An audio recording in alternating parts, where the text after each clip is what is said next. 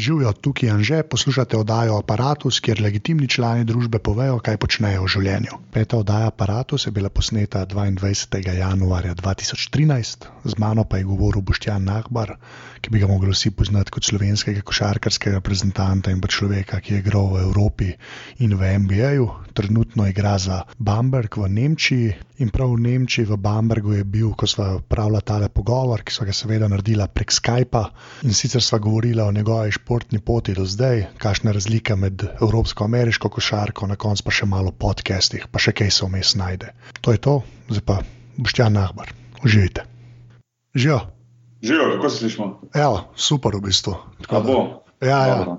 Sej Skype, Skype načeloma kar zna delati, tudi če so čudne linije vmes. Ja, sem jaz imam tako slab internet tule včasih, da zdaj sicer imam ok, ker imam ta internet stik, veš, ta USB stik. A ja, mali, si na USB-čku. Ja, ja. Tam je še najbolj dela, drugače imamo pa tu v tem stanovanju, oziroma te hiške, ko živimo, je kar mal, mal problem, ker smo malo bolj ven z mesta in je še nimajo optike, pa tega povezanega, veš. Ponavadi, ko ven vrže, res tok ven vrže, da te požre čist, a veš. No, Tako da ti bom kar rekel, povej, ja, ti pa kar greš povej. pač Ne bi deset- smelo, veš, se ta je kar zanesljiv ta stik. tako Ja, da- ja, sam veš, kako je to. Pa, pa se mora to s telemahom kle razumeti, pa in Ja, štiri ja, mašine ja, so ja. vmes. veš. Ja, ja, ja. Uh, druga- a ja, jaz sem že, živijo. ja. Čau. Čau, čau. Uh, jaz zmerno začnem z enim te istim vprašanjem, ne, pač, uh, kdo si in kaj počneš. Ja, uh, sem Boštjan Nahbar, poklicni košarkaš, oziroma profesionalni košarkaš, tako se malo smešno sliši. Jaz še vedno nekako včasih uh, se mi kar malo smešno zdi, da je to moja služba, v narekovajih, ker nikoli nisem imel košarke kot službe, ampak um, bom rekel, imam to res neizmerno srečo v življenju, da lahko počnem to, kar me res veseli in uh, to je igrati eno tako lepo športno igro. No, zdaj to, zdaj, ker si pač eh, profesionalni košarkaš, pa peva malo nazaj. Ne. Uh -huh. A, ajde, kje, si, kje si začel, kje si prvič začel košarko igrati? Moji prvi spomini na košarko so, so iz rekel, daljnega leta, tam eh, 86, 87, se pravi, ko se nekako začneš zavedati, da obstajaš. Ne? Jaz sem takrat star 6-7 let, jaz sem 80-letnik, tako da sem nekako spoznal košarko v tistih romantičnih časih. Iz stare jugo košarke, ko so bili glavni asi Petrovič, eh, Divac, Kukoč, Rađa in tako naprej.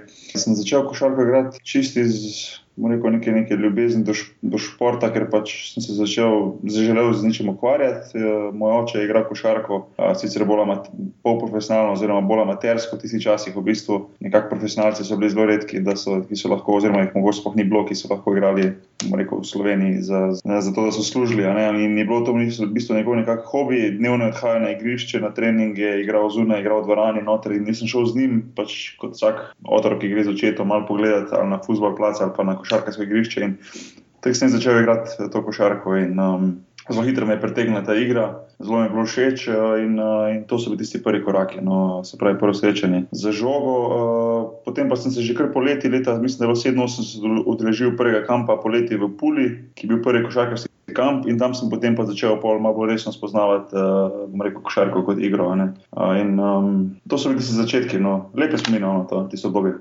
Jaz sem načeloma, kao, jaz sem 2-4 velik, čeprav uh Mhm. -huh. veš, pol me zmeram, so me napisali za 2-7. ne, tako ke- Ja, se, to je treba, kak centimeter je treba dodati. Ja. Ja, se to. Zdaj, kako hitro si ti rastel, ki si bil majhen? Pač kako je šla? Ker ti si tudi tam nekje, ne? ti si tudi 2-5-2-7. Ne?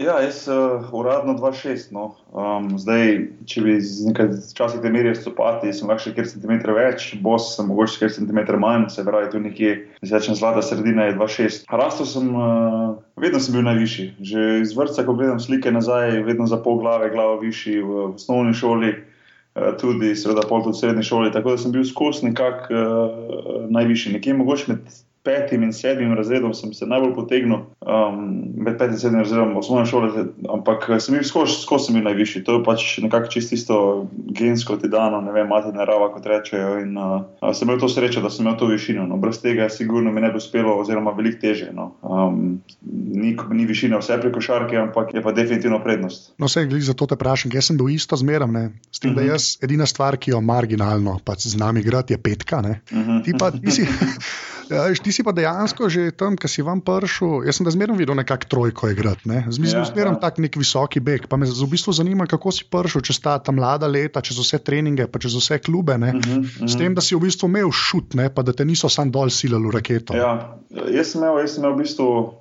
bom rekel, malo, bom rekel srečo v nesreči, da malo razložim. V bistvu sem jaz prihajam iz kraja, oziroma iz Dravograda, kjer takrat neke resne košarke ni bilo. Košarka takrat bi bila nekako v zatonu, kljub ni uspel priti v prvo ligo, potem je vse razpadlo in tako naprej. In niti sem dobil, ko sem začenjal, se pravi v prvih štirih, petih razredih osnovne šole, nekako sploh ni bilo košarke v Dravogradu. Vsi so igrali nogomet, jaz sem imel pa to srečo, da pač moj oče, glede na to, da igra košarko in da je pač bil res, oziroma še, ne da je bil še vedno zaljubljen v ta šport, je pa rekel, da bo on prevzel trenersko delo na osnovni šoli. In, in v bistvu sem jaz moj edini klub dolgo časa, oziroma moja ekipa je bila šolska ekipa. Ne. Jaz nisem igral v enem klubu kar nekaj časa. In, um, Je bila ta sreča, da pač, uh, sem z očetom in s tisto ekipo res uh, treniral dosti na tehniki, dosti delal na teh driblingih in teh stvareh, pa ne zato, samo zato, da bi da bi, ker je to bilo fajn, ampak enostavno drugih igralcev nekako ni bilo. Ne? In, in sem jaz bil tisti res, pa ne da se hvalim, ampak najboljši igralec te, te, osnovne, te osnovne šole. In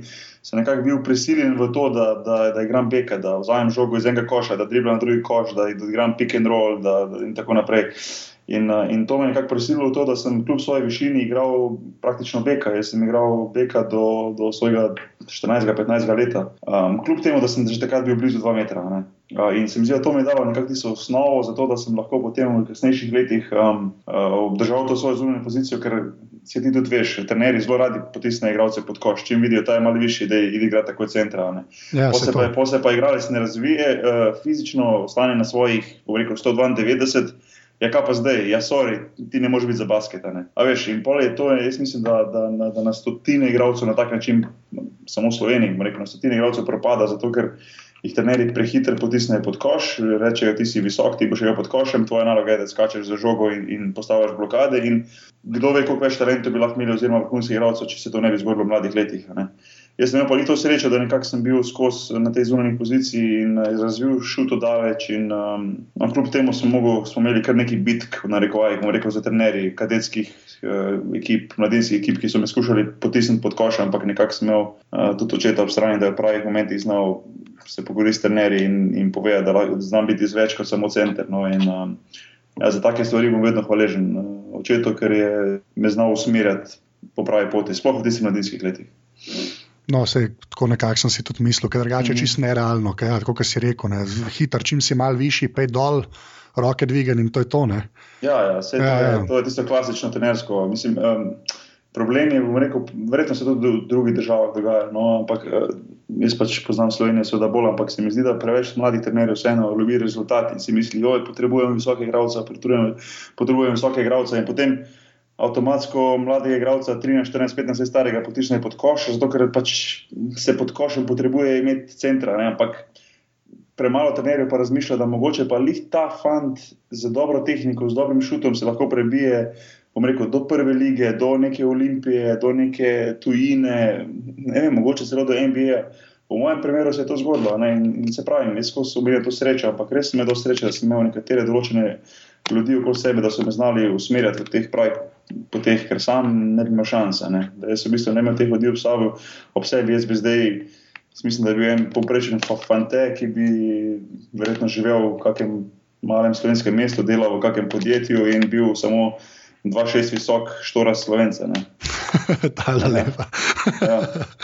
Kdaj si pa šel v ta pravi klub, pač, tako, da nisi samo v osnovni šoli igral, pa kam ja, si šel? Um, jaz sem v bistvu hiter, eh, pač, bom rekel, nekako prerasel to svoje okolje, ne s svojim košarkarskim znanjem, ker je bilo tako malo konkurence v Dravogradu in na Koroškem.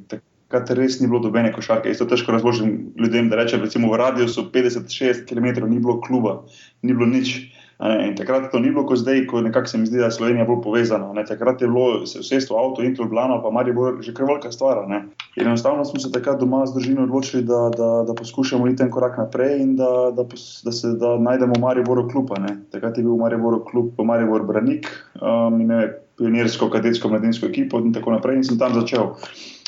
Igral tam leto ali dve, potem prestopil v drug mariborski klub, tam Bus, ne, oziroma kasneje Zarvalnica Maribor, Lumar, nekaj takega se je imenoval klub. Uh, se veš, kako je Slovenija, ko se menjajo sponzorji, pa se potem klub menja, klub ostane isti, mi pa se menja vsako leto skoraj. Ja, sam, sam, sam grb je nekje skrit, pol, ja, nekje ja, noter ja, je grb ja, od kluba. Ja, ja. Ja. No, pa tako, potem sem pač malo te menjal te ekipe, predvsem zato, da sem iskal boljšo konkurenco, boljše trenerje uh, in, in boljši način za delo. Ne. Se pravi, v bistvu svoje te mladinske ekipe, pa to sem preživel pač v Mariboru, oziroma preigral. Uh, se tam razvijal in potem uh, že tam tudi igral z 15 leti, že v okusu prvo, prve minute v prvi slovenski ligi. No. V bistvu bolj resne, potem za 16 leti, ko sem igral že praktično celo sezono v prvi slovenski ligi kot 16-letnik, za Maribor. A pa to še kar na trojki, dvojki, kva si mislil? Ja, trojka, trojka, trojka. trojka v bistvu največ trojka. No. Um, to je bila nekakšna pozicija, ki se je do tistih let že, že izoblikovala in mi tudi najbolj pasala. Uh, ker se veš, trojke, se pravi, to malo krilo, nizko krilo, igravci morajo biti sposobni in dribla žogo, odigrati pick and roll, če treba, šutiti od zunaj, igrati polstap igro pod košem, prevzemati obrambi in tako naprej. Tako da v bistvu ta raznolikost mi še takrat nekrat se mi zdi, da mi je bila pisana na kožo in um, to sem tudi vsaj skušal, no, in zelo še skušam še zdaj čim bolj uveljavljati. Se pravi, to raznolikost, da lahko delam čim več stvari na terenu. Uh, meni se je to vedno zdelo kot eno mojih najmočnejših orožij, no? da v bistvu lahko naredim več, več stvari kot samo eno. Klej se absolutno strinjam. ja, ja. uh, kdaj se te pa pol uh, v reprezentanco potegnil? Ja, jaz sem um, v bistvu potem en leto, eno sezono odigral v, v Olimpiji, malo igral, bil zelo nezadovoljen in sem se nekako tudi ustrašil, da bom nazadoval, če ne bom dobil minut, minut za igro in sem se vrnil v Maribor. Potem, to je bilo enega tam 98, 99, eno sezono igral v Laškem, eh, ki je takrat igral Euroligo. No, takrat sem pa potem že uh, tudi dobil poziv reprezentanco, odigral prve, prve minute, govorimo o članski reprezentanci, seveda. Mm. Uh, prve minute v mislim, nekih kvalifikacijah uh, in tako naprej. No, svoje prvo evropsko prvenstvo sem igral pa leta 2004, potem na švedskem. Se pravi, kot, kot 22 oziroma 23 letnik. No.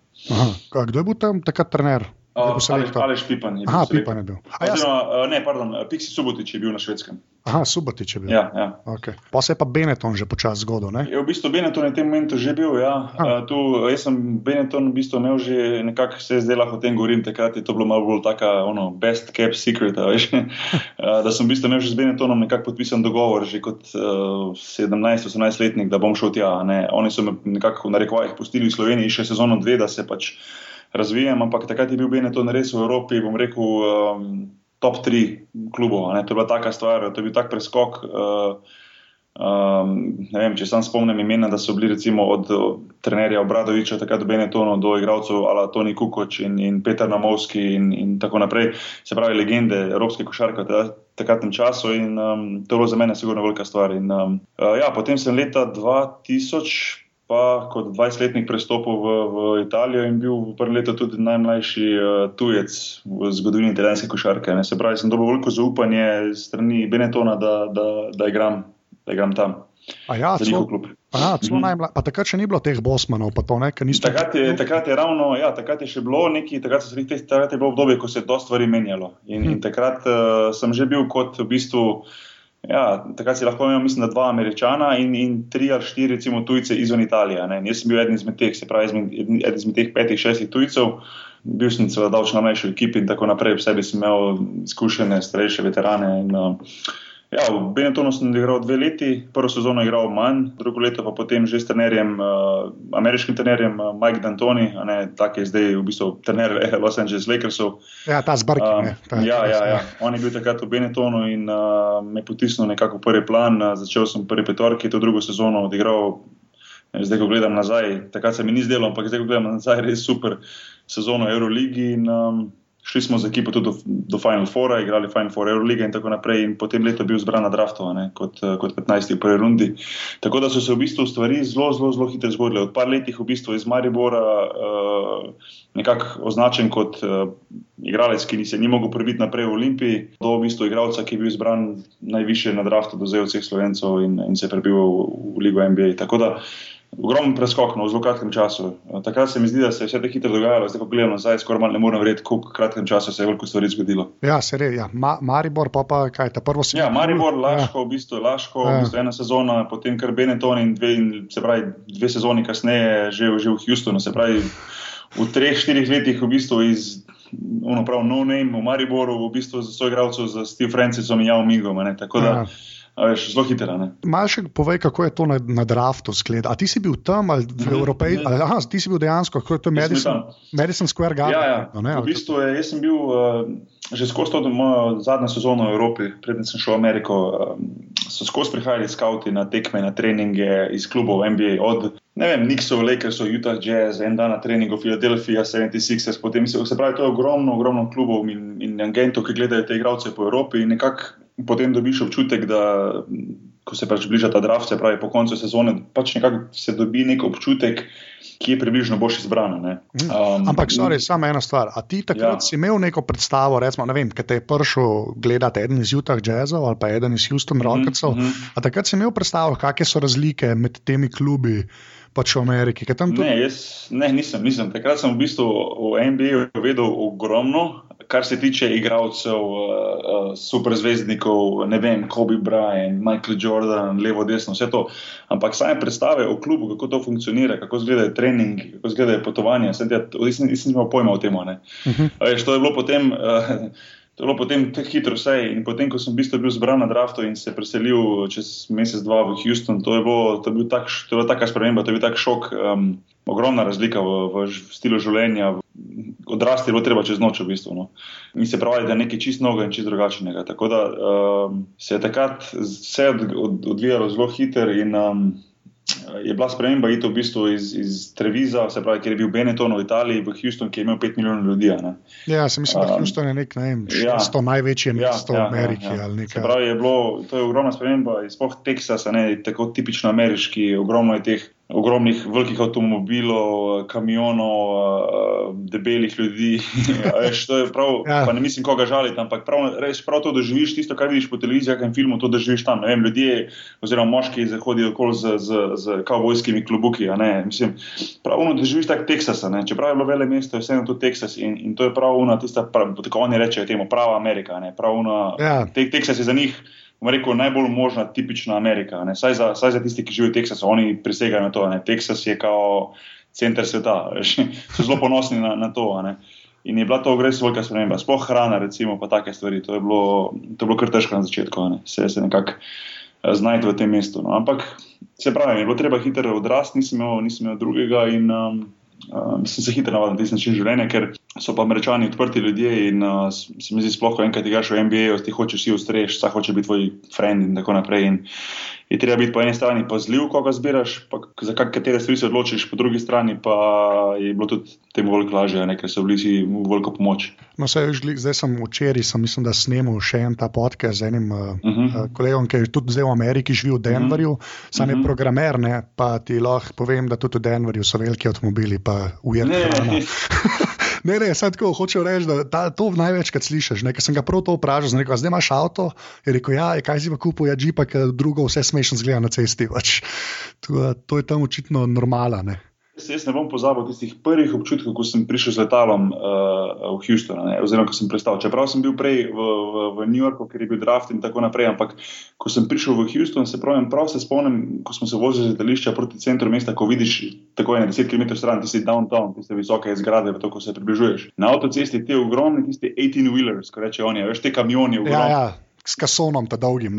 Švaks, veš, pa vse to. To je bilo prvič, to prej, kot da si gledal, ne vem, kak film, pa naenkrat vse to pred tabo. In to sem prvo opazil, te ogromne avtomobile, pa te šest pasovnice, veš, avtocesta, neko je vse polno zabito avtomobilov. Jaz sem rekel, to, to nisem mogel to verjeti, da to staje. To je bilo kot neka fantazija prej za mene, veš, samo v filmih, zdaj pa pred mojimi očmi. To so bili tisti, bom rekel, šoki, ki jih nekako doživiš na hitro, sploh kot mlad fanta, ne, v bistvu do takrat.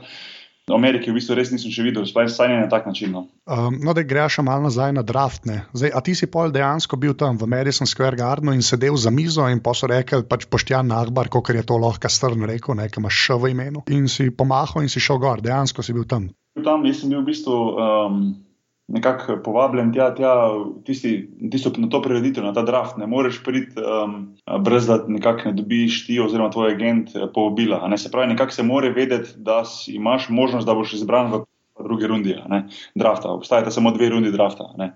Se pravi, 60 igralcev, oziroma koliko je bilo takrat ekip, ne vem, jih je bilo mogoče 28 ali 30 v mojem času, ampak vse vseeno. Um, jaz sem bil povabljen tja, se pravi, bil sem eden izmed teh igralcev, tam smo sedeli, z mano je bil uh, moj oče in moj brat, um, sta bila tam in, smo, in moj pač ta menedžer oziroma agent. In pa skupaj smo čakali, se pravi, prvi na draftu, ne vem, potem označ, so znani, ne vem, Jao Ming, ne bi takrat pa je šel gor, recimo, ne, pa ne vem, potem kasneje, sedmi ali osmi, da je ta Amari Stodemajer, pa je še tako gre po vrsti. Uh, in pol, jaz sem takrat uh, že nekako imel občutek, da bom izbran v Houstonu. Uh, Houston mi je nekako dal, bom rekel, ustno zagotovilo, čeprav to ni vedno stoprocentno, ker se veš, eh, lahko da kdo ne bi izbral Javminga kot prvega, pa potem bi kdo drugega, veš pa se lahko kocke malo spremenijo, drugače padajo. Ne. So oni predvidevali, da bom zbran 15, se pravi, sem nekako predvideval, da verjetno bom šel v Houston. In pol v bistvu, ko je bil 14 igralec zbran, um, američani, eh, mislim, takrat so, so mi malo pokvarili vse to veselje, ker v bistvu je minuto predtem, da sem jaz vedel, da gremo v Houston, prišel ta en tip, en možakar, eh, ki tam pač je imel čez ta protokol in mi dal roko kapco od Houston Rocketsov. In rekel, se pravi, prednji je ta v bistvu David Stern, ta, bom rekel, glavni komisioner, kot mu rečejo, lige NBA, oznano moje ime, sem že vedel, da bom šel v Houston in se mi zdi, da mi je malo pokvarilo to veselje. Da je nek tam, nek tam, ko ga pojma nimaš, dojeti ta tisto kapco v roči, če dej, zdaj ko te bi poklicali, da si kapco gor, pa pet gor na odra, veš. malo to veselje, čeprav seveda sem bil čisti sebe in, in to so bili taki nepopisni občutki. In potem minuto zatem je prišel David Stern in, in povedal moje ime, kot 15. Houston izbral Boštjana Nakvarja in potem sem šel na oder. In to, to so bili taki lepi občutki, nekak občutek, da ti je, da ti je uspelo. No. In sem se nekako spomnil vseh tistih neko prejšnjih neko 15 let. Ki sem jih dal skozi, ker, ker sem res, res trdo delo in trdo treniral. Vedno z veseljem do igre, nikoli mi ni bilo težko na treningu, na tekmo, ampak vseeno sem se nekako mi je šlo v eni minuti vse skozi to skozi glavo, koliko sem jaz prešvico pa predelal in koliko sem se stvari odrekel, recimo praktično celo svoje najslička leta dal za košarko in, in je bil to en tak res, uh, res vesel moment, no, biti zbran na draftu. Ker si v Houston prišel, ta prvi trening, uh -huh. kako to zgleda? Vidiš pred sabo te igralce, ki si jih v bistvu še prej gledal po televiziji. Ne? Tisti, ki malo bolj poznajo košarko, bo zdaj vedeli, recimo, spoznali imena kot so Steve Francis, Kotino Mobley, uh, Maurice Taylor, potem seveda Yao Ming je bil tu in tako naprej. Se pravi, to so bile takrat ene take zvezde te, tega, te ekipe Houston Rocketsov. In, um, nisem imel dovolj časa, da, da jih preveč občudujem, ker je bilo uh, se treba dokazati na treningu, na tekmah. Veš, kako se tista borba za pozicijo v ekipi začne takoj. Um, Čeprav se mi zdi, da sem vseeno še nekako uh, bil, bom rekel, uh, ne dovolj agresiven v tem. Jaz sem imel tik pred sezono eno poškodbo kile, se pravi, kot rečemo, vodoče pruh, operacijo in to me je fejsto počasnilo, nisem imel svoje eksplozivnosti in te hitrosti. In se mi zdi, da za NBA, ki je seveda zelo, zelo uh, tipično fizična uh, liga, oziroma košarka je zelo, zelo, može biti hiter, močen, skočen in tako naprej, da lahko tam, bom rekel, preživiš. Uh, Um, sem imel probleme na začetku s tem. Um, čeprav um, mi, je, mi je tako odgovarjala ta NBA igra, predvsem zato, ker je tako odprta. Veš, in in uh, meni ta odprtost, ki lahko koristim svoj daljši korak, uh, svojo hitrost proti napadu, ki lahko koristim, je to bilo zelo všeč. Um, je, pa bilo, je pa bilo lepo no, biti v ekipi, trener je bil Rudi Tomjanovič, legendarna um, in, in biti del tega je bilo taka posebna izkušnja lepe spominjam na to. No. Čeprav v prvi sezoni nisem igral veliko, sem igral mislim, samo 14 ali 15 tekem od 82, no, dosti tudi zaradi tega, ker sem bil poškodovan. Ampak eh, sem se pa veliko naučil in trdo delo, in uh, se mi zdi, da sem se potem že bolj pripravil na drugo sezono, ki je bila pa bolj podobna en, eni NBA sezoni, za mene vse. Zdaj v Evropi, vsaj kar jaz vem, se bolj malo vem, ampak recimo, uh, se trenira tako, da je stakaj dva treninga na dan, večinoma, ne? pa potem se zgodita v bistvu dve tekme. Ne? Uh, hm. Je to več ali manj res? Ne? Ja, um, večinoma nekako, bom rekel, način dela v Evropi je dva treninga na dan, vsaj po večini, uh, in, in ena pa dve tekmi na teden. Um, se pravi, domača liga, zdaj je to slovenska, nemška, španska, kako koli. Potem pa še recimo Evropska liga, oziroma Euroliga ali Eurocup, Eurochallenge, kar pač igraš. V Ameriki je to čisto drugače, v Ameriki se trenira enkrat na dan, pa še to je v bistvu zelo malo, sploh je sezona, ker enostavno je tekem toliko, da ni časa. Več se dela individualno, se pravi, tisti, ki ne igrajo veliko, igrajo, delajo po posebnem programu in delajo več. Ko pa enkrat igraš v NBA in si v rotaciji tistih 8, 9, 10 igralcev, praktično trening je samo nekako, bom rekel, rahlo segrevanje, malo šuta, malo pogovora o prejšnji tekmi, naslednji tekmi in trening na koncu. Ker enostavno je toliko tekem in toliko potovanj, da, da, da ni časa. In, um, Se mi zdi to prav, igralce moraš imeti spočite na tekmi in imeti pripravljene, ker dobeno ne pomaga, da ti vsaj moje gledanje je to, da ti ubiješ igralca na treningu, potem pa od njega zahtevaš 110%, spet manj kot 24 ur kasneje na tekmi. Um, enostavno, igralci niso roboti in, in, in, redko kdo bi zdržal tak ritem. A pol se v bistvu vsa igra, vsaj tako sem se jaz zmeraj tam predstavljal, postavil že pač uh, pred začetkom sezone, ne? kar je tistega trening campa, pa tisti tam se pač vse akcije naredijo in to, ne? potem se pa čez sezono v bistvu samo to pili ali kako to deluje. Trenerski štab v Ameriki, vse to v Evropi, se mi zdi, da se to zelo zdaj popravlja in se nekako približuje temu. Ampak recimo trenerski, trenerski štab v Ameriki je eno, eno, eno, eno kot ena mašina. Veš, to je, v bistvu trener, glavni, potem štiri ali pa pet pomočnikov, ogromno skavtov, uh, eh, video koordinator, se pravi človek, ki samo gleda in analizira video posnetke, statističari, pravi, oziroma statistiki, ki vodijo določene statistike in jih potem dajo trenerju. Se pravi, uh, že prednji sezona začne trener, bom rekel, 99% ve, katere akcije bo igral, katerega igralca, na kakšen način, uh, katera bo rotacija od začetka sezone, katera rotacija igralcev. Se pravi, oni se čez poletje vse to pripravijo in potem skušajo to samo sprovesti uh, v tistem trening kampu in nekako igralce čim bolj seznaniti s tem.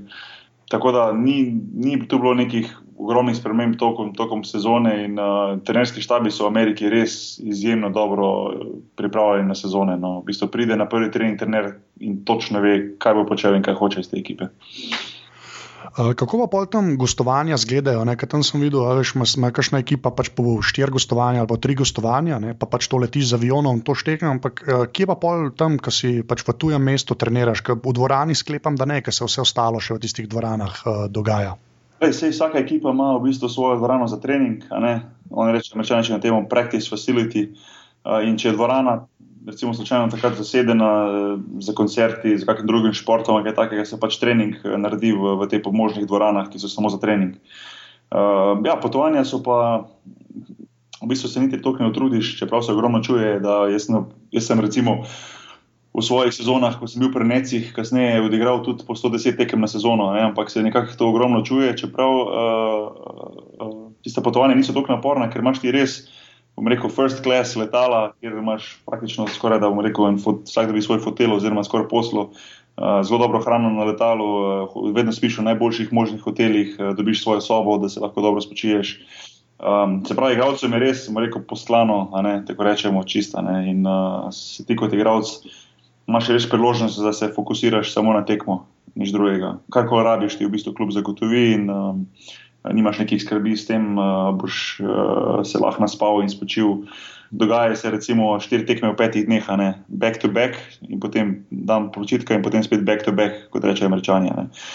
To se dogaja skozi sezono. In, uh, se mi zdi, da sem lažje sezono uh, pregural v, v, v Ameriki kot v Evropi, ker v Evropi je več treningov, že to te zmatra, in pa potovanja so zelo naporna, znajo biti. Se pravi, uh, včasih potovati iz, vem, iz Istanbula v Madrid ali pa recimo vem, iz, iz, veš, iz Ljubljane v, v Moskvo, ali pa ne, odvisno od kje potuješ.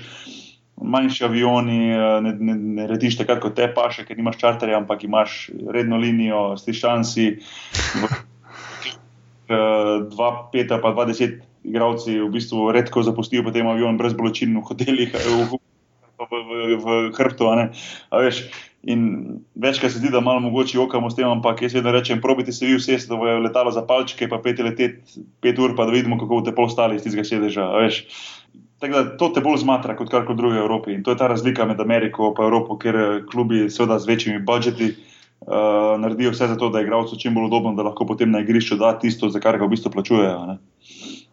Ja, klepar meni ne bo še nobenih ogovorov uh, slišal, ker sedeti na avionu je pač ena večjih muk ki jo človeštvo pozna, če si tako velik, kam idva. Recimo. Zato je zmeraj pol laufam, pa probam zasesti na emergency row, ker tam je malo več placa, veš, kaj če jim dol pade, kao, da, bo, da lahko vsi vam pridejo. Ne. Tako da ja, jaz to čist štekam. Tako da razumem tudi, zakaj je pol v Ameriki dosti lažji, kot v Evropi, kaj ščarter in letiš z čarterjem, ampak z redno linijo. Ne. Meni je jasno, jaz se vedno tako. Uh... Tako se razjezim, ko letimo, pa ko reže ne tri ure si v avionu, pa vedno razmišljam, pol, A je res ni možno narediti 10 cm več razmaka med sedeži, pa, pa je bila cesta, da riskirate eno vrsto avionov, pa da je malo bolj razširjene zice. ja, samo še kaj forane. Ti, ti imaš zdaj, da saj letiš z normalnimi pač temi prevozniki. A si kdaj v življenju letel z EasyJetom ali pa z Ryanerom? Sem še, čeprav sem zihar, da bom enkrat mogel, slej ko prej bom letel nekam, kjer bo ta ta varianta v igri. Le, zdaj, jaz sem samo en svet, da je v njih 5 evrov več za karto, da sediš na emergency row. Ker če misliš, da so na normalnih linijah, da je malo placa na avionih, na Ryanairu presežem, jaz tam lahko 1,60 m, veliki ljudje sedijo, pa pa ben več. Ja, si, si, si kar predstavljam in to je za mene tudi ena, ena večjih muk. No. Leteti v bistvu v, v letalih, kjer je, kjer je zelo, zelo neudobno. In sploh pa je težko, zdaj, če ti potuješ nekam, da greš, ne vem, obiskati kolega, še ni tak problem. Če pa imaš ti v bistvu tekmo 24 ur kasneje je pa, je pa to malo problema, ne? ker kljub od tebe zahteva veliko, ti pa v bistvu imaš bolečino v, v, v hrbtu, ki si jih staknil na, na potovanju do tekme. Ne? Mislim, da ben tega noče slišati, veš. In je, in je časih res malo mal težko. Čeprav jaz nekako še prenesem, se mi pa smilijo tisti igravci, ki so pa 20 pa višji, no? ko, pa res imajo probleme. Tiste pa že kar. Pa sploh pa če imajo še recimo 120 pa 125 kg, pa, itak je, je to dizaster čisti. Ja, to je tako, to verjamem, tam hvala Bogu nisem. Škaj me še zanima? V NBA-ju, kakšna je razlika pač med playoffom in rednim delom sezone? Pa zdaj v igri, čist kako se tam ljudje obnašajo, že publike pa to nekaj. Na TV-ju je to oren čutiti, zdaj kako to zgleda pol iz igrišča. Uh, Nekako nekak je um, redni del sezone, razen možnih rivalstev ali pa direktnih uh, dvobojev med igravci. Um, je, je, je vzdušje med nasprotniki, ne bom rekel, sproščeno, vse to je vedno tekmovalni naboj, vse tako sem prej rekel. Uh, igravci so plačani ogromne sote za to, da, da zmagujejo tekme in, in to je vedno prisotno. Ampak se mi zdi, da nekak, če, če je kak mal grobi prekršek, pa če se kaj smešnega zgodi v igri, da se nekako obe dve ekipi nasmejita, da se nekako. Narekovaj, potolaži, da če kaj takega. Veš, da je v bistvu tizga sproščenega vzdušja le malo več. No. Um, v playoffu pa nekako to tako izgine. Ne? In res pride do tiste res trde fizične igre um, z grobimi prekrški, z, z tem, da v bistvu si pripravljen narediti vse za to, da zmagaš. Tu če treba eh, koga dvakrat bolj grobo kresniti po roki, da ne da koša. In je, in je, to, to nekako navijači seveda tako vidijo, občutijo in je tudi atmosfera v, v, v dvorani čist drugačna. Vsak si želi zmagati in uh, se mi zdi, da ta prestiž zmagati NBA tekmo, oziroma playoff tekmo in playoff serijo, oziroma zmagati eh, playoff prvenstvo, je pa nekaj, kar, kar si vsak, ko že kaj želi. To je nekako, se mi zdi, tisti ultimatni cilj vsakega, ko še kaša, biti eh, prvak eh, NBA lige, v bistvu največ, pa največ, kar lahko narediš, vsaj kar se klub, klubsko tiče, to je v bistvu to je v bistvu vrh vsega. Ne? Kdo te je pa tam, recimo, vsaj ker ti si imel pač v Houstonu, pa v New Jerseyju, pa vmes, pa v New Orleans, slash Oklahoma, ker se je un hurikan zgodil ali kako je bilo. Kdo te je pa tam najbolj presenetil od svojih igralcev? Tako, da si prišel na trening in rekel, o moj bog, kaj pa ta model dela. Pač, je bil kakšen tak? No, osebno, kot osebnost me je najbolj presenetil Yao Ming. Ne, se pravi, Kitajc, ki je takrat bil prvi Kitajc v, v Ligi, oziroma ni prvi, bil še en pred njim. Uh, to, kar ne poznam, da sem že malo pozabil ime, ampak on je bil v bistvu en igralec, ki je uh, prenesel pritisk cele Kitajske. On je bil zbran prvi na draftu, cela Kitajska, se pravi, kitajska prebivalcev, se niti ne vem. Uh, cela Kitajska je tako gledala uh, Yao Minga, on je prenesel ta pritisk, postal eden najboljših uh, igralcev centrov v ligi. Na kak način je on to prenesel in kako se je obnašal, to je mene v bistvu fasciniralo. Um, kot igralec pa, oziroma kot soigralec, jaz sem imel priložnost igrati uh, z toliko dobrimi igralci, to sem imel tako srečo v življenju, res uh, od, uh, kot sem prej rekel, Steve Francis do Tracy McGrady, pa ne vem, Dikembe Motombo, pa Chris Paul, pa Jason Kidd, Vince Carter. Ogromna lista igralcev, s katerimi sem igral, s temi, rekel, All-Stari. Um, najbolj od vseh, če bi mogel izpostaviti enega, bi rekel, da me je pa fasciniral Jason Kidd. Se mi zdi, da je bil najboljši igralec, s katerim sem kadarkoli igral. Ja, in še, in še kar igra, ne? kar je, kako je zdaj že star, zdaj mora biti že pre, čez 35, po mojem, ali ne? 38, sigurno, če ne še kak, kak mesec več. Kaj pa v Evropi, tako pol, zdaj, ki si nazaj prišel, ta Rusija, pa to, pa ki si Euroligo, zdaj, ki igraš, kaj pa kle, da ti je eden, ki je v Evropi, pa da je na isti način, kot uh, Jason Kidd te impresioniral? V Evropi je, je, je toliko teže izpostavljati igralce, se mi zdi ravno zaradi tega, ker je igra veliko bolj timsko uravnana. Se pravi, nimaš ti igralcev, ki bi toliko izstopali statistično, in, da bi bi se lahko koga izpostavil, že, že sam po statistiki ali pa recimo po tem, kar je v karieri dosegel. Seveda imaš ti igralce, kot recimo vem, Diamantidis iz Pantenajkosa, ki je bil parkrat uh, izbran za najboljšega igralca in osvojil Euroligo in tako naprej. Um, ne vem, v zadnjih letih zdaj se govori veliko o Teodosiču, kako je najboljši play in tako naprej. In tako naprej. Jaz v Evropi v bistvu težko izpostavim, bom rekel, enega igralca. Uh, meni so bolj všeč tisti igralci, ki so, bom rekel, včasih igrali Evropo, že Dražen Petrovič, Toni Kukoč. Uh, in tako naprej. To so bili igralci, ki so na mene naredili največji vtis. Čeprav nisem nikoli igral z njimi, recimo proti Kukoču sem igral, uh, ampak se mi zdi, da to so bili tisti pravi superzvezdniki košarke evropske. Uh, zdaj je pa evropska košarka tako timsko usmerjena, da v bistvu si, imaš ti poprečje 10 točk, pa pa si že kar zvezda. No? Um, ker je v bistvu, verjame se v Evropi in jaz mislim tudi, da je prav na nek način, da ti rabiš res 7, 8, 9 igralcev enako vrednih, da lahko zmagaš Euroligo. Ne? In, in doska se je pokazalo, da je to res. Seveda so lideri v teh ekipah, ampak v Evropi ne boš imel igralca, ki bo imel poprečje vem, 20 točk in 8 asistenc, uh, tega to enostavno ne obstaja. Tako da tistih, tistih talent, tisti talent prije teže na površje. No, sej pa tudi ta statistika ne, v Ameriki, kot jaz vem, je dosti podobna Italiji, tam pač je statistika vse. Ne. Asistenca je tudi, če mu jo podaš, pa je pol favel, pa mu še štiri korake naredi, pa se mu vse en piše, ne ostale evropske države pa nimajo. Ne. Se to ti mogo videti, kaj si pač takrat v Benetonu igral, pa kaj si v Ameriko pršil. Tam grejo vse cifre malo gor, se mi zdi v Ameriki, tako, ki pač tako piskajo oziroma beležijo. Jaz se, jaz se nekaj, nekaj čim se strinjam s tem. Veš, recimo, sploh, če govorimo o asistencah, jaz ne več proti temu, da je igralec ima popreče, više poprečje asistenc. On res, uh, tisti, ki podaja igralcu, recimo, žogo, da potem da koša. Ne, sej, V Evropi se mi zdi, da vse preveč hočejo te statističari, kako bi rekel, da, da ti narediš dvakrat med nogami, trikrat hrbtom in potem da žogo igralcu in onda koš in to bo zdaj asistenca. Veš.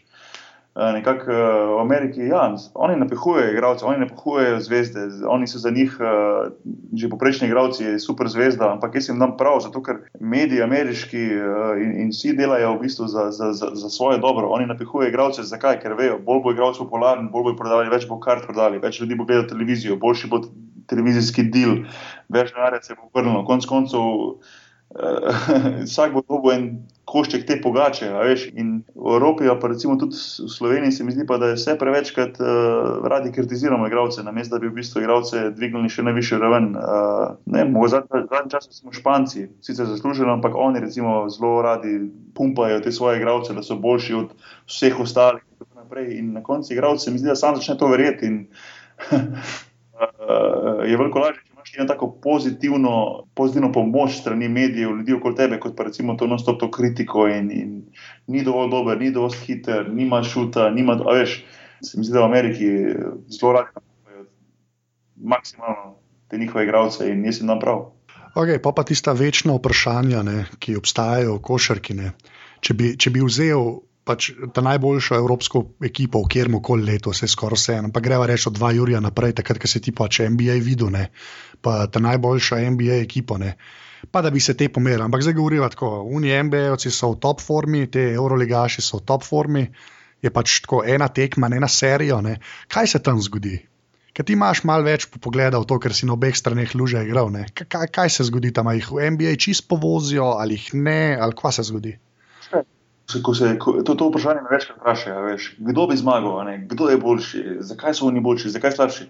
Jaz vedno rečem, oziroma moj odgovor je takoj, um, to bojo tisti, ki poznajo košarko, malo v detajl vedeli, o čem govorim, ampak moj odgovor je takoj, katera pravila se bojo igrala. Zato, ker je v bistvu eno pravilo, ki obstaja v ameriški ligi in ki ne obstaja v evropski, je recimo illegal defense, se pravi obrambna. Kako ti braniš? To je to, po, moj, po meni, iz mojih izkušenj, naredi košarko povsem drugačno.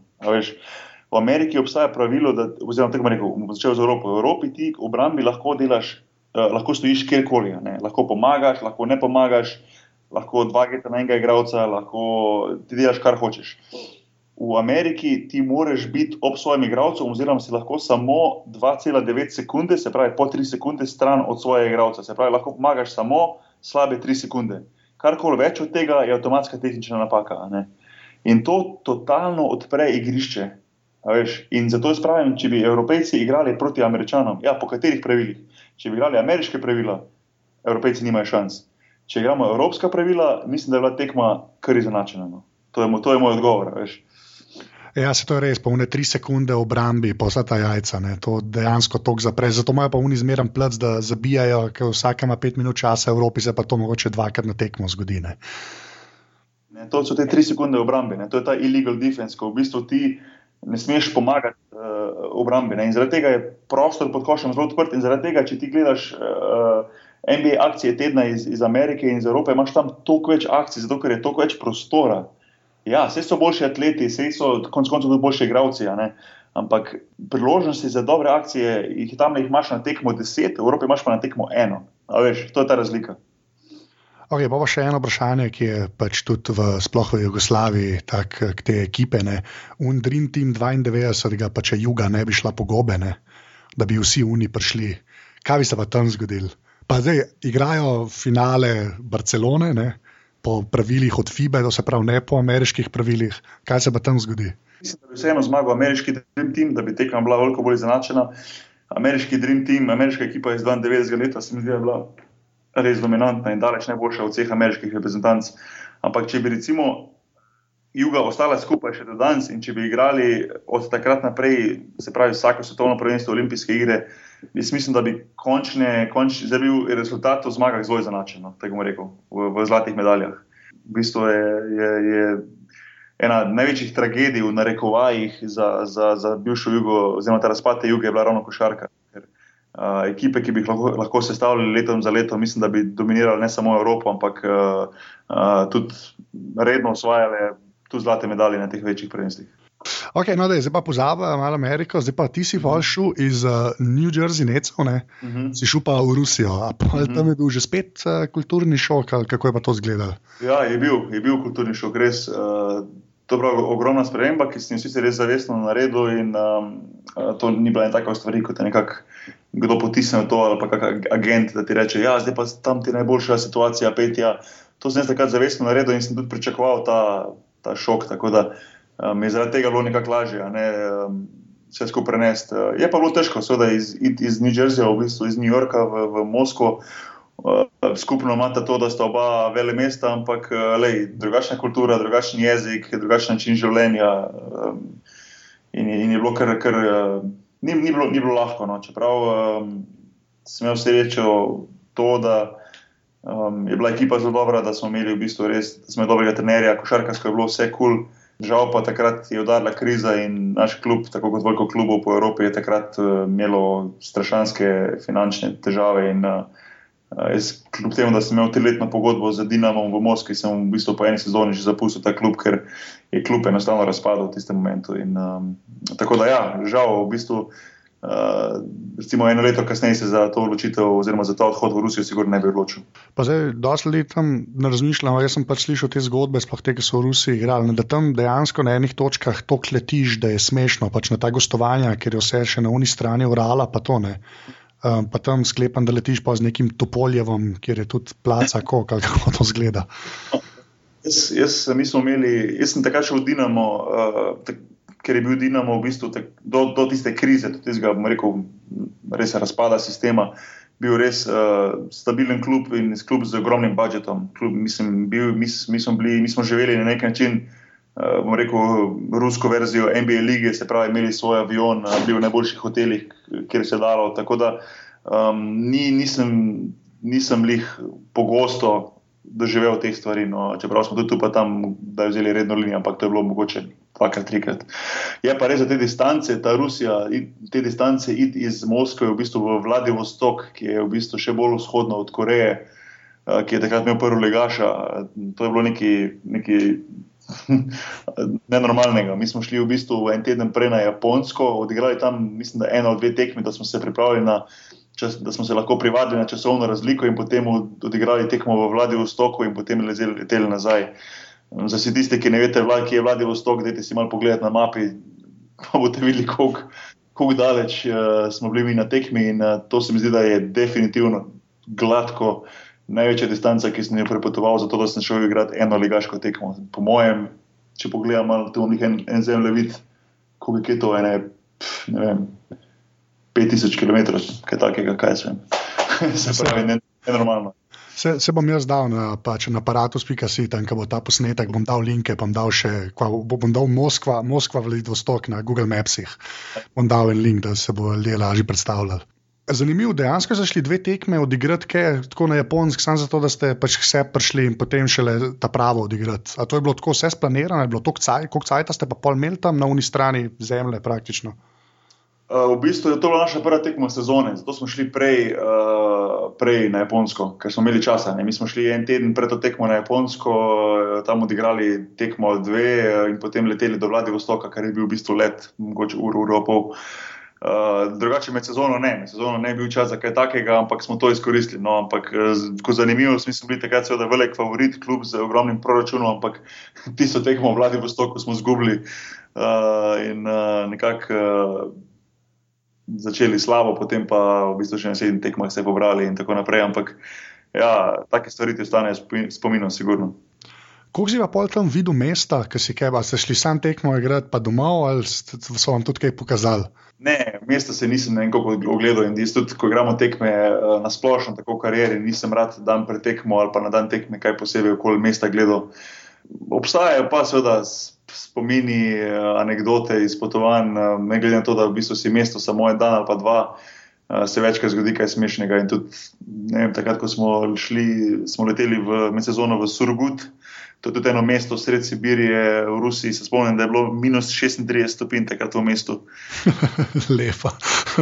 Da, ja, to so bili taki posebni šoki, bom rekel, no, iz NBA lige v eno tako ligo. Ampak um, nisem bil takrat edini. Takrat je v bistvu tisto leto bil trend, da je veliko NBA igralcev šlo v Evropo, ker se je evropska košarka res dvigala. No, leta 2008 je pa potem to se nekako se ustavilo, ker se vemo zaradi te, te finančne krize, ki je tudi takrat močno darila uh, šport po športu, je, je se takrat ta trend ustavil po Rusiji šel, si šel pa v EFES, tam si bil pa dve sezone, ne? pa tam si tudi Euroligo igral obe sezone, ali kako je bilo, če se ne motim.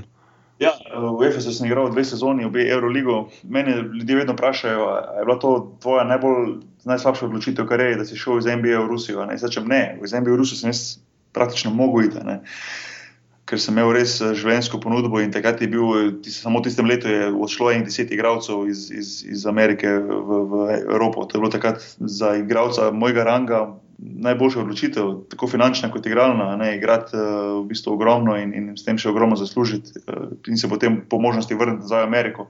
Ampak rekel, največja napaka, ki sem jo naredil, je pa v bistvu bil odhod v, v Istanbul, v Efes. To je bila pa napaka, ki si želim, da bi lahko popravil, ampak seveda ni možno, da sem naredil narobe odločitev, zaupal narobe ljudem, šel v narobe klub, ki je v bistvu.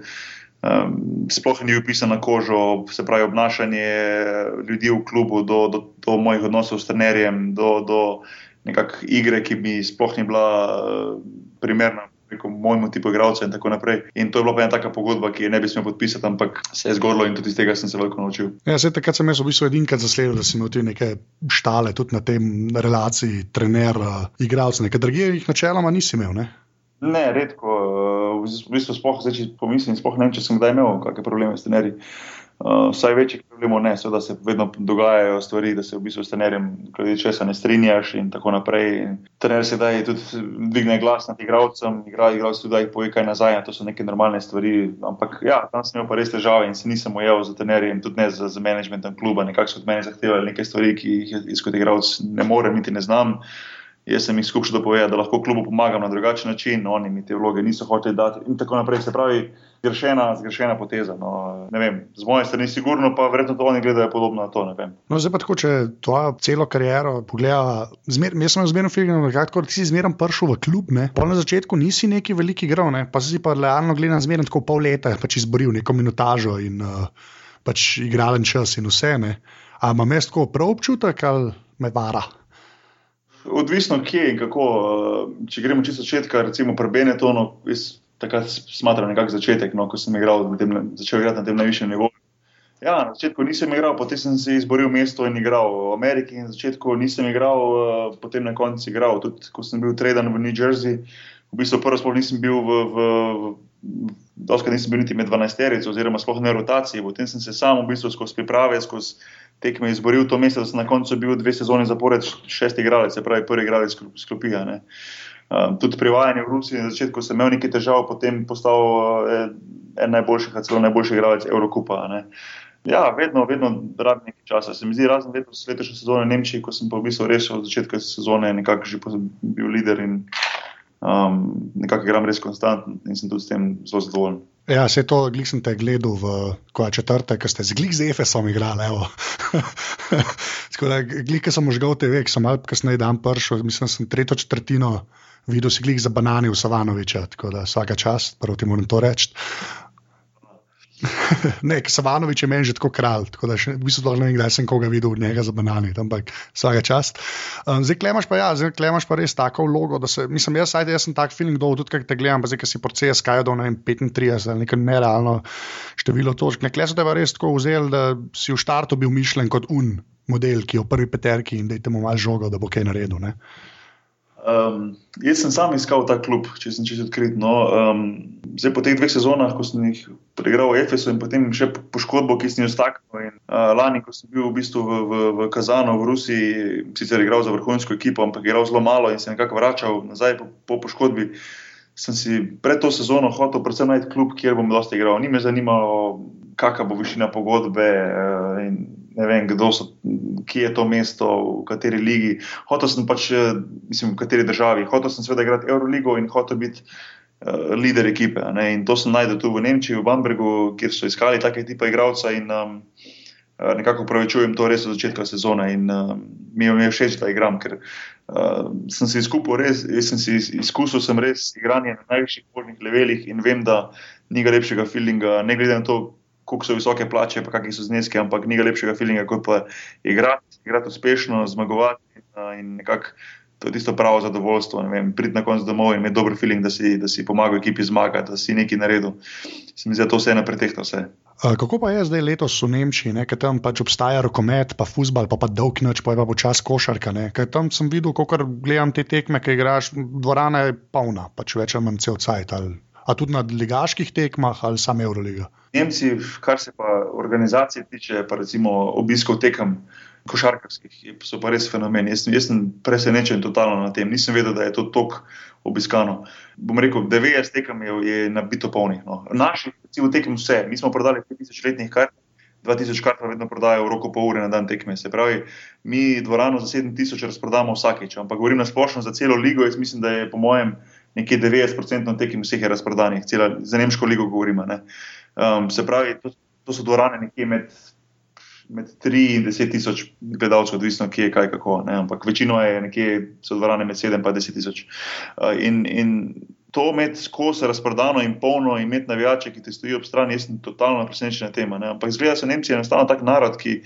Uh, ekipo v svojem mestu podpirajo, v dobrem in slabem, so zelo pozitivni, uh, košarko imajo zelo, zelo radi, čeprav nogomet je seveda številka ena in, in tudi rokomet je izjemno popularen, tudi hokej. Uh, Ampak recimo tu v Bambergu, kjer sem jaz, je, je košarka številka ena, je, je zlato pravilo, je, ko Bamberg igra, je treba iti na tekmo.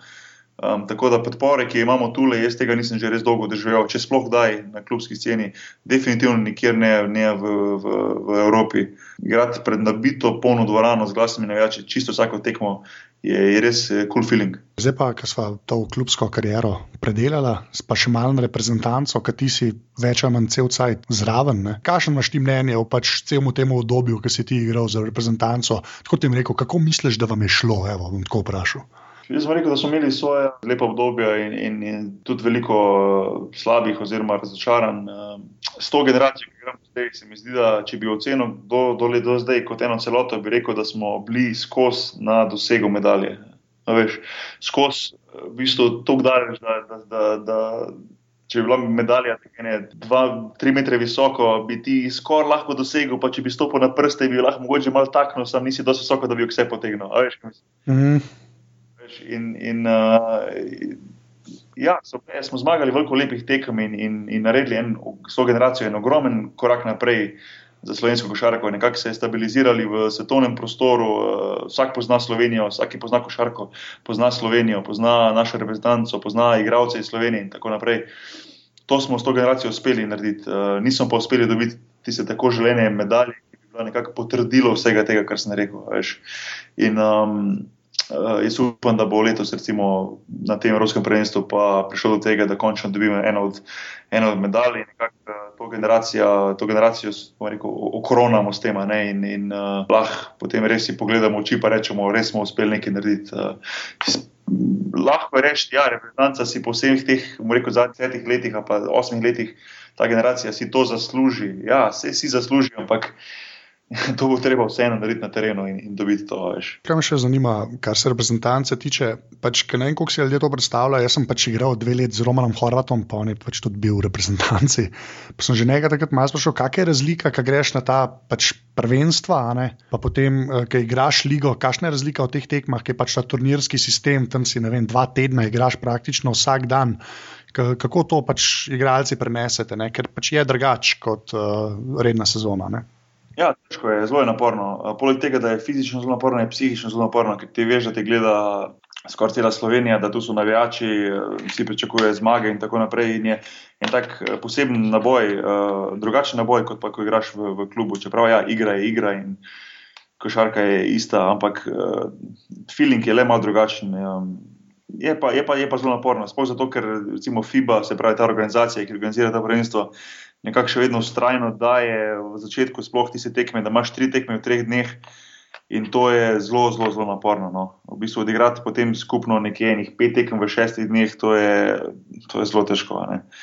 Jaz bi si sam želel, da bi, da bi dodali samo en dan v celem prvenstvu in v bistvu bi si začetni del imeli, ne vem, dve tekmi, pauza, ena tekma, pauza, dve tekmi. Veš, kaj takega, da se malo lahko vse priješ. Ker eh, jaz vem, da to mogoče vse povezano s financami, pa v čim krajšem času igrati tekme in tako naprej, ampak eh, gledalci bi dobili veliko več, če bi igralci ostali spočiti in zdravi.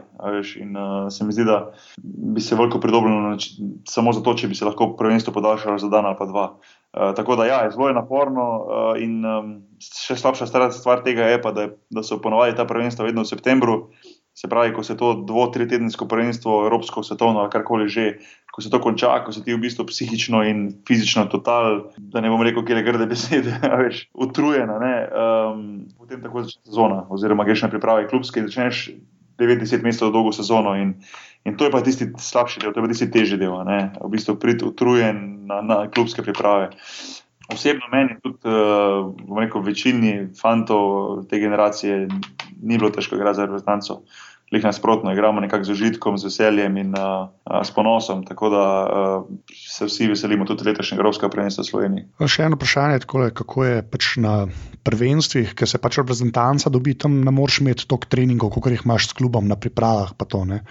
Lahko malo poveš, kakšna je ta razlika, čisto kako so akcije postavljene, kako se ljudje poznate med sabo. Ne? Ki zdaj, ki ste že malo starejši, pač eni se poznate, ampak tam zmeraj neki novi uletavajo, ki se morajo uh, sistemu učiti. Pač lahko malo poveš to razliko med kako je v klubu, pa kako je v reprezentanci. Ja, skozi klub je nekako, eh, oziroma skozi klubsko sezono je to nekako proces in ti imaš trenirati več, eh, odigrati tekme, videti na videnih tekmah, kaj ni v redu, kaj ne, ne, ne špila dobro in to potem na treningu. Korigirati, ko se, ko se pa za reprezentanco poleti, pa treba v zelo kratkem času se zelo veliko naučiti in se, in se predvsem uigrati. In, uh, Zato doskrat uh, tudi same tekme reprezentanc uh, oziroma evropskih prvenstvih, na svetovnih prvenstvih niso najlepše za pogled. Večkrat se ekipe mučijo, ne pridejo do lepih šutov, obrambi škriple in tako naprej. To ni zato, ker je mogoče ekipa slaba ali pa ker so igralci slabi, ampak enostavno je toliko malo časa, da se, da se navadi za igrati skupaj, da, da se nekatere ekipe, tudi mi smo se kdaj, naša ekipa Slovenija, v momentih zelo lovili in, in je zelo težko. Uh, zato pa jaz pravim, da je, da je sezona je maraton, Evropsko prvenstvo ali pa, ali pa svetovne pa šprinte. Uh, in je treba biti res najbolj možno pripravljen v tistih dveh, treh tednih, odigrati najboljšo možno košarko v tistem danem momentu. Medtem ko pa v sezoni v klubski ti ne rabiš biti najboljši v, v oktobru, novembru. Ne. Važno je, da si aprila, maja, junija, ko se igra playoff, takrat najbolj močen, najboljši in takrat zmaguješ. Tega si, seveda, z reprezentanco ne moreš privoščiti. Zdaj pa še malo na obrobne stvari, prekošarki, pa eno vprašanje, ki me pač fulj zanima in te moram vprašati. Uh, na dan tekme ne, si že tako rekel, da ne rad hodeš okolne. Uh, zato se bo ljudem, ki ne igrajo košarke, moče tudi slišati. Ampak uh, koliko prej pa ješ, pa kaj ponovadi ješ? Jaz nisem zelo, zelo, zelo striktni glede uh, hrane, ampak um, sem pa dovolj, dovolj pazim, da, da se mi ne zgodi, da prijem tekmo, da bi recimo, mi je bilo slabo, da sem kaj slabega pojedel, ali pa da sem prepozno jedel. Glede tega se znam kar dobro, znači se črta dan. Um, rad jim uh, lahko hrano, se pravi, na dan tekme ne bi, rad, ne bi jedel za kosilo, definitivno nekih steakov, pa, pa neke pice, recimo, ali pa neke torte, ali kaj takega. Se pravi, kako lahko pašto, veliko solate, ne vem, kako juho, um, uh, bolj bolj to smera. Veš, um, Uh, jaz sem skoraj rajš, imam, da, da sem na tekmi lih malo lačen. Tako smešno še čujem, ampak da si lih tako malo lačen, da bi lahko recimo en kos tistega proteinske čokoladice povedal. Veš kaj takega. Lih, lih tak film imam rad. Uh, definitivno ne grem rad s polnim želodcem v tekmo. Uh, Tudi pa ne, da recimo prijem čist lačen. Tako da, ja, pazim, ampak spet, da bi bil pa neki striktno začrtan jedilnik, to pa ne. No, to sem mogel vprašati, zato ker ja, sem približen isti. Tako da probujem glih toliko pojesti, da sem pa lačen, da tekme, pa pica je smrt. Tako to, kar sem se jaz kaj naučil, sem se to naučil, da pica pač tu bije človeka, to, je brez veze politi igrati ali pa na trening. Ta druga stvar je pa so perge, ne?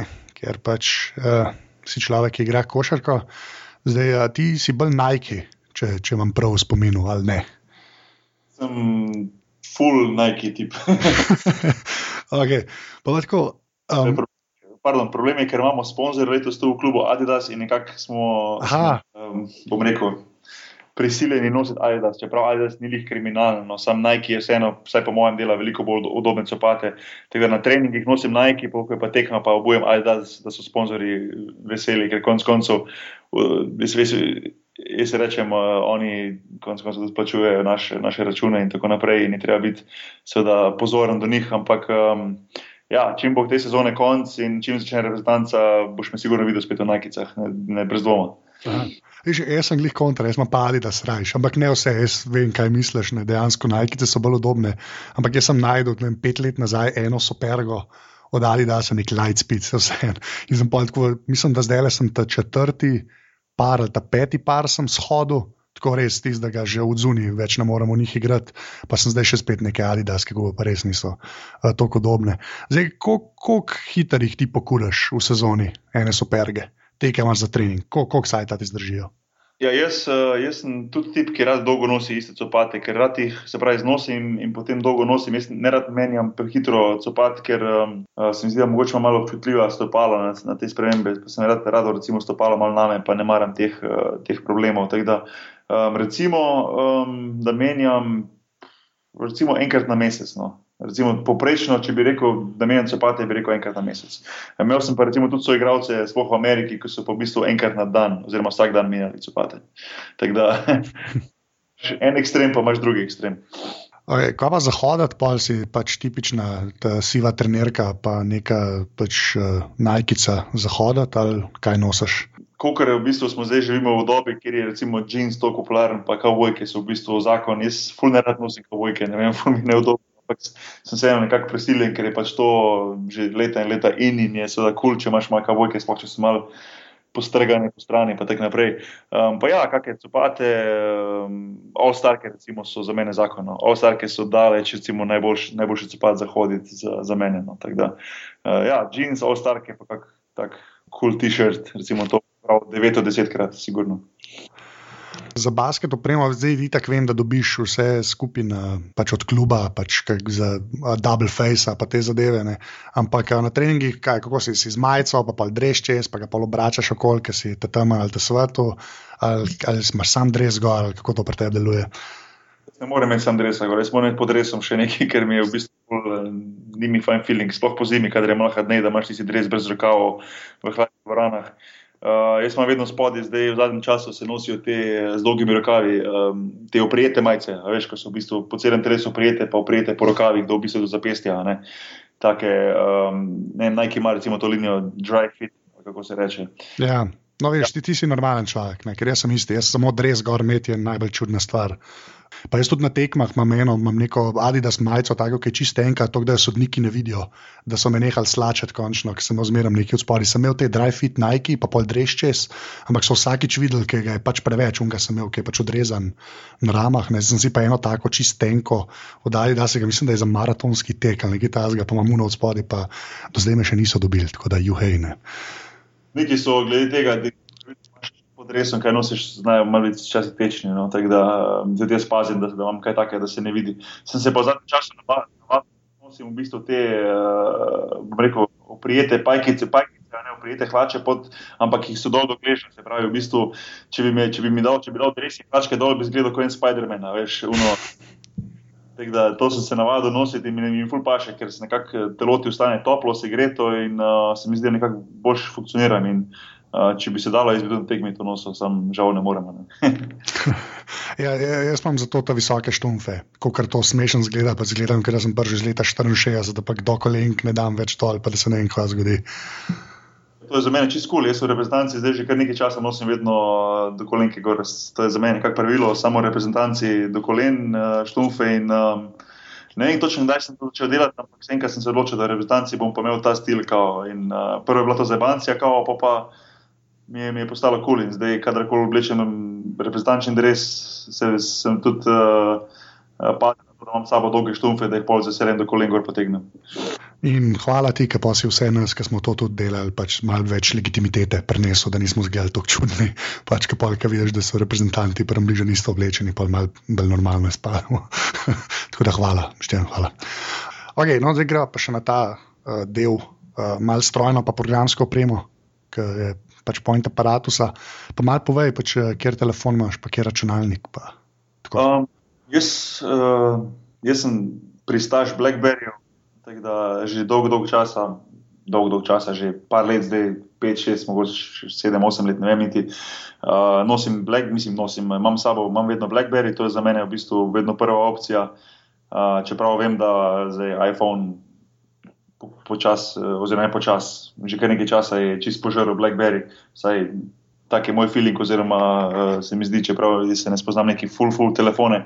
Um, sem pa navadil svojo družino, svoje kolege, da imamo te Blackberry in smo nekako povezani prek tega, da zdaj en po en, vsak, vsak par mesecev, eh, sorry, sam jaz grem pa na iPhone, pa polom drugi, sorry, da jaz grem pa na iPhone.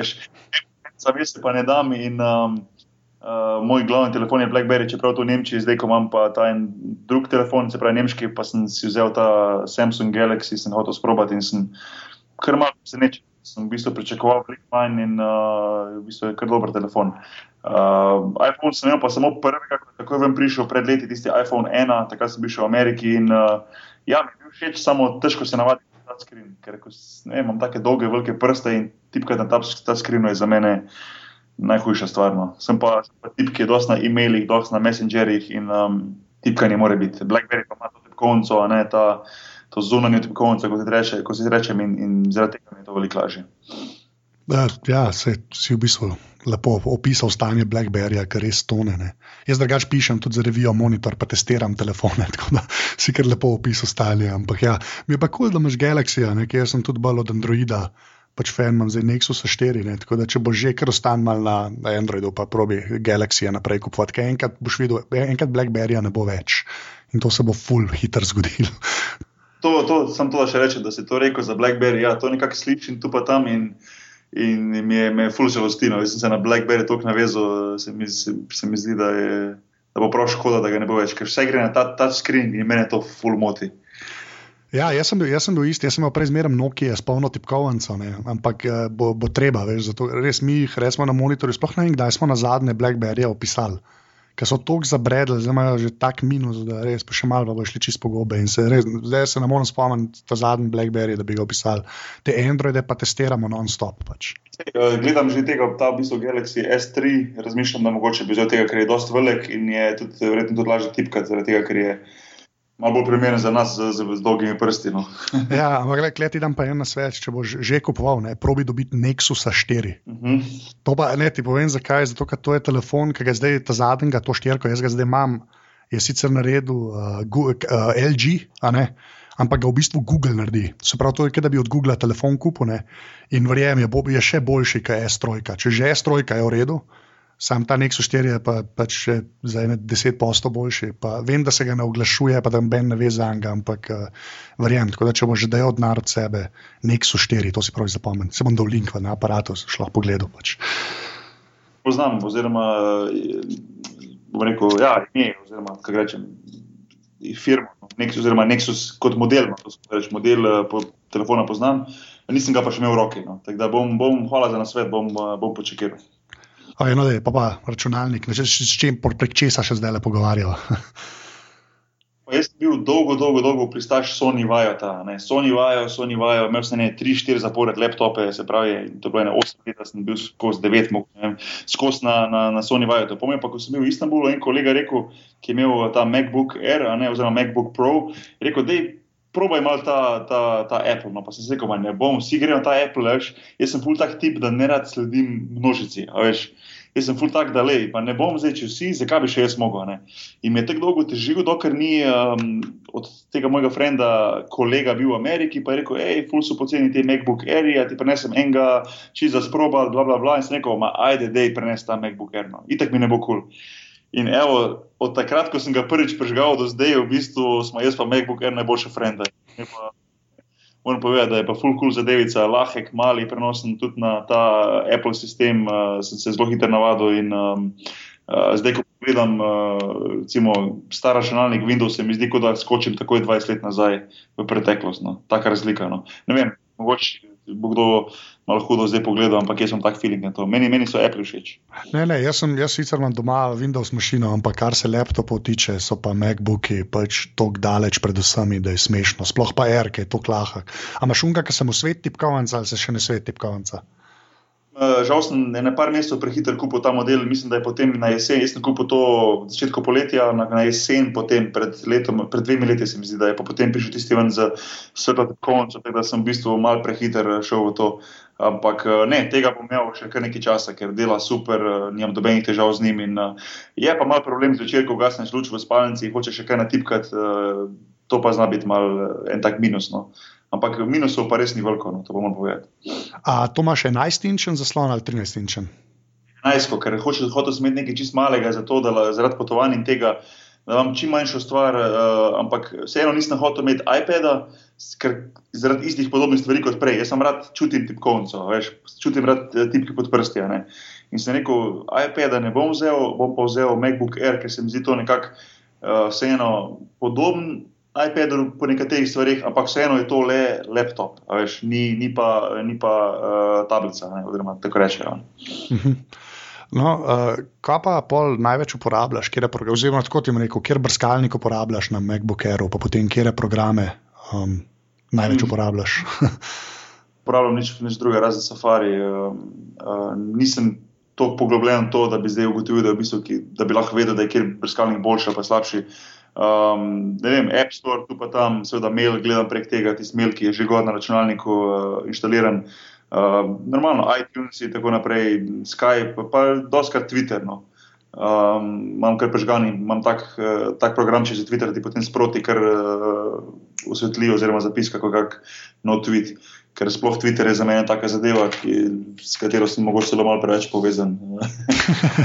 ja, se tako, tako so se tudi mi dva najdla, v bistvu. um, ja, ker ti si v bistvu dosti dejaven, zdaj imaš tudi okoli 10 tisoč sledilcev, pa ti tudi tvitaš in v slovenščini in v angleščini.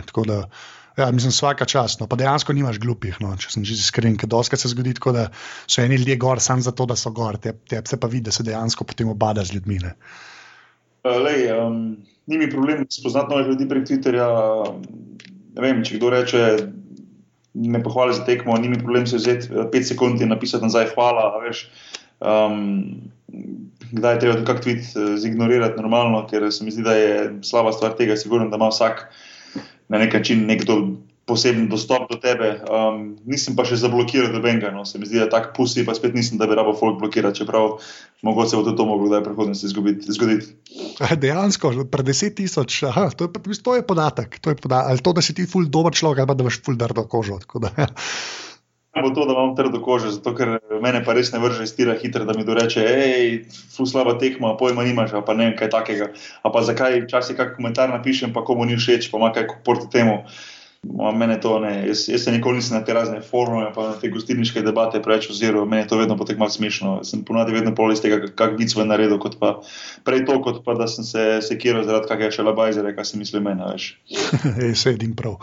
Uh, zdaj pa preko si iTunes omenil, ne? a tam si ti tudi podcaste najdel, ali si jih že prej poznal, ali kako si prišel pa sploh do podcastov? Ja, preko iTunes no, um, sem začel nekako poslušati te, te podcaste. Um, čeprav prvi podcast, ki sem ga poslušal, skušam zdaj razmišljati, uh, mogoče ne.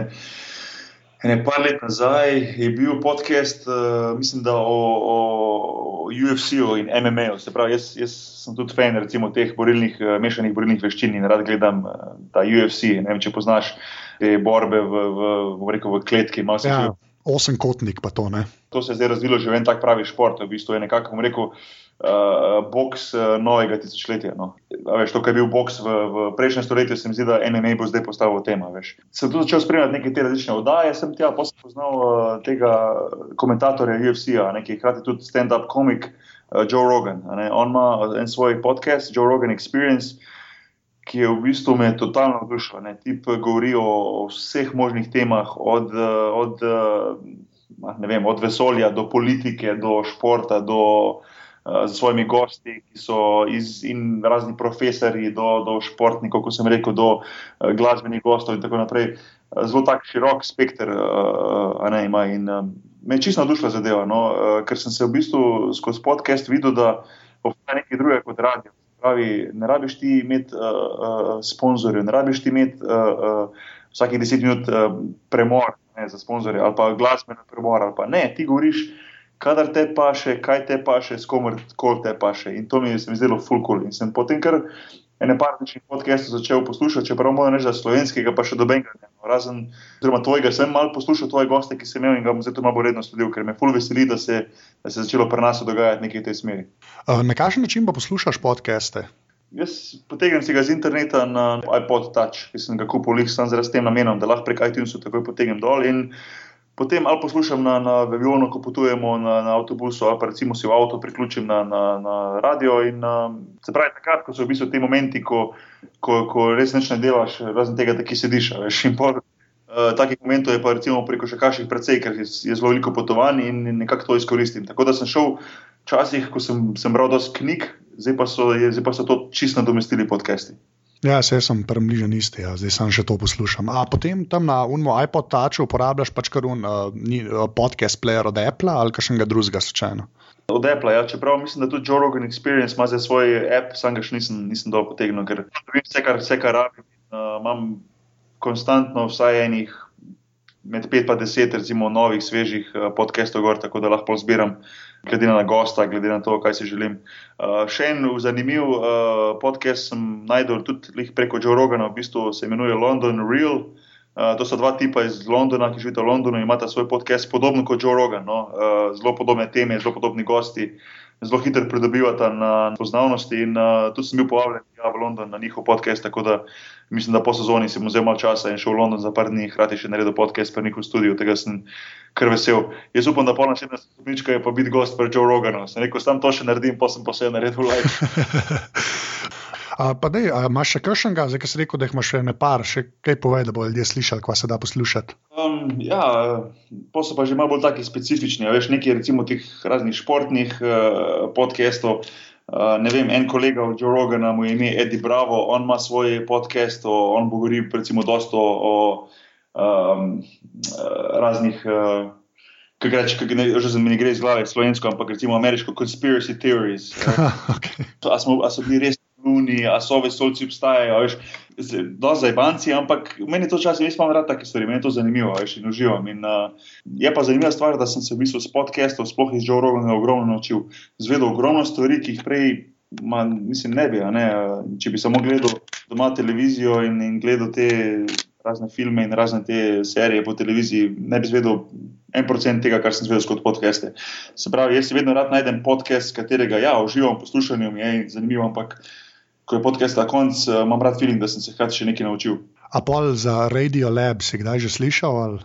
Nekam znano mi zveni, pa zdaj ne vem, je mogoče to čist slučajno, ker ima tako precej kul ime, ali je to res, da sem mogoče kdaj sedel. Ne vem, mi lahko poveš.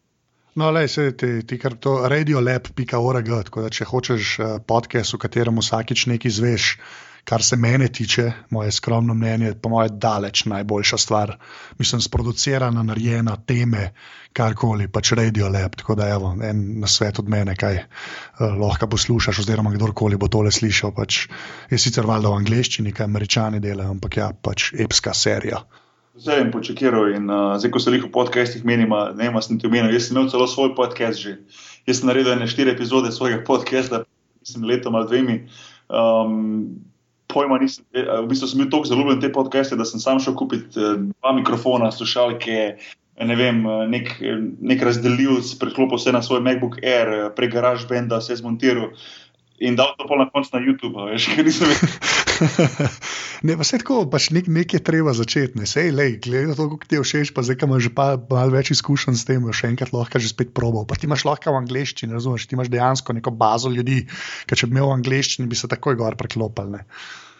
Takrat, eh, mislim, da sem delal v angleščini, če se ne motim, ker sem imel tudi goste iz Istanbula, pa potem sem imel košarkaša Primoža Bresta, ampak se mi zdi, da smo naredili kar v angleščini. Pa mislim, da je celo še mogoče na YouTubu gor to, ne vem, jaz, jaz nisem tega skinil, razen moj kolega, ki mi je pomagal, da to gor, on to dal do interneta. Ampak um, to je bila ena taka probna varianta, jaz sem uh, full nadušen na tem in ja, lej ne se, ne se čudi, če bom uh, enkrat, ko bom malo več časa, spet začel s tem, ker mi je to pa res ena taka full cool zadeva. In uh, kar se tiče medijev, pa tega ni boljše stvari, kot pa se vsest z enim frendom, pa z eno zanimivo osebo, uh, stisniti uh, rekording in se enostavno pogovarjati, tako se mi do zdaj. Uh, to je, po mojem, ena taka prihodnost, pa v bistvu zdaj že sedanjost uh, teh medijskih razgovorov in tega uh, pogovorov. Uh, Tako sem ti rekel v enem tvitu, ko smo se bojali, da se mi zdi, da radio v bistvu je pa stvar preteklosti, no, oziroma radijski šovi. Uh, podcasti so v bistvu sedanjost oziroma prihodnost. Ja, klej ne boš nič uh, slišal od mene, da bi bilo karkoli narobe s tem. Bo, bo, bo še čas za to, da bom, uh, da bom naredil kak podcast, sigurno. Sploh zato, ker poznam dosta ljudi, dosta kolegov, dosta zanimivih zgodb. Se mi zdi, da bi ljudi lahko to res pritegnilo in zanimalo. In, uh, uh, tu ne gre nekako za to, da bi jaz medijsko poveličeval in se dajal na internet, ker Itak, do, do stvari teh prije že skozi mojo košarko, ampak enostavno zato, ker se v prvi vrsti rad pogovarjam z zanimivimi ljudmi, v drugi vrsti pa nočem prekrajšati ostalih ljudi za kakšno zanimivo zgodbo in za kakšno anegdoto. Tako da že sem zaradi tega imam toliko želje po, po svojem podkastu. Ja, jaz pač ne dvomim, da bo zadeva pač popularna. Da, um, ja, škazen, da moram da še za eno stvar vprašati. Jaz, um, ti, pač, zdaj sem se spomnil, ker si YouTube omenil. Ampak eh, jaz sem na YouTubu ta posnetek, definitivno obstaja nekje in ga bom najdel. Ne. Ti si enkrat, ne vem, mislim, da si za New Jersey nece igral. Um, brutalno za banani v Karla Malona, takrat je bil on v L.A.U. ali je bil Favel ali nekaj tasga. A se spomniš tega začetka? Jaz sem bil takrat v Houstonu, to je bila v bistvu prva, uh, to je bila prva runda playoffa. Mi smo imeli takrat mlado ekipo iz Houstona, se prebili v playoff in uh, igrali proti Lakersom z Shakilom Nilom, Kobe Bryantom, Gary Paytonom uh, in Karl Malonom. No, in, uh, ja, je bila neka taka sekvenca v tej eni od tekem, ko v bistvu sem na enem košu zabil, potem pa na drugi strani mu dal banano, sicer je sodnik pisko tehnično, ampak eh, vsi igravci, tudi Karl Malon, ni, ni vedel, da je bil piskan faul, mislil, da gre za čisto banano. Ne vem, po presoji veliko ljudi je bila prava čista banana in uh, uh, on je hotel takrat tako neki se sfajtati z mano, popiti po po domače, ker je nek mladinec iz, iz Slovenije ga v bistvu sramotil na tak način. Tak da, ja, ampak To so, to so pač taki spomini za nazaj. Jaz, uh, se mi zdi, da jaz takrat nisem nikoli dal veliko na to, da so potem mediji fulno pumpali, tudi po Ameriki se je dosto o tem govorilo, kot je young player from Slovenija, you know, sem in tja. In, um, to pa tisto, ko smo se prej pogovarjali, v Ameriki vsako tako stvar napumpajo, kar stoje. No, to sem res mi je prav glavo šinil, ker to imamo prav v spominu, ki je bilo res dobro, ker pa je šel čist protep, zgleda, ker ti pa čist hladno, samo od koraka stran, kako pa je bilo. Pa še za tisti je bilo kul, cool, mi je bilo, se nekaj moramo moment enkrat. Um, Mogoče se lahko na YouTubu, ne boš mogel malo pogledati. O, sem prepričan, vse je na YouTubu. Vse, mislim, da je čisto vse na YouTubu. YouTube je sigurno ena od strani, video strani, uh, pardon, video, internetnih strani, ki jih uh, verjetno največ obiščejo. No. Zanimivo, kako je 10-15 let nazaj, ko smo prvič dobili si internet, ko smo še mogli, kako se je reklo, analogno klicati prek modema, kaj je že bilo, dokaj se je to zdaj razvilo, da imaš ti v bistvu na telefonu več tehnologije, kot smo včasih imeli v celem kompjuterju. Zanimivo, no, kako hitro se stvari odvijajo, da je to kar nekaj časa. Iz interneta se je toliko stvari razvila, da v bistvu se zdaj, tako smo se mi da spoznala, če ne bilo interneta, verjetno nikoli. Tako pa v bistvu smo v par dneh šli iz, iz nule do tega, da se zdaj menimo čisto normalnih stvari. Res je. Okay, jaz imam potem za konec vedno eno vprašanje, ki ga imam pri vsakem gostu. In to je pač, eh, da poveš en kos strojne opreme, Zdaj ni nujno, da je to računalnik ali pa telefon, lahko so to perge, žoga, dres ali pa borša, ki si jo imel, ki ti je res ostala v spominu, ki smo v feeling, da je lahko zate narejena ne, in jo, pač se jo še zmerno spomniš, ali pa mogoče še zmeraj uporabljaš. A imaš kaj tazga? Hm, ena taka stvar, da vidim. Um, um, težko, težko bi izpostavil eno tako stvar, da bi, da bi rekel, da je to ena stvar, ki je bila narejena za mene. Um, jaz bom rekel, da če že bi mogel izbrati eno tako stvar, bi rekel, recimo MBA dress, ne, eh, oziroma nositi MBA dress. To je ena taka stvar, tak poseben feeling je bil za mene to vedno, um, vedno velika želja, velike, velike sanje.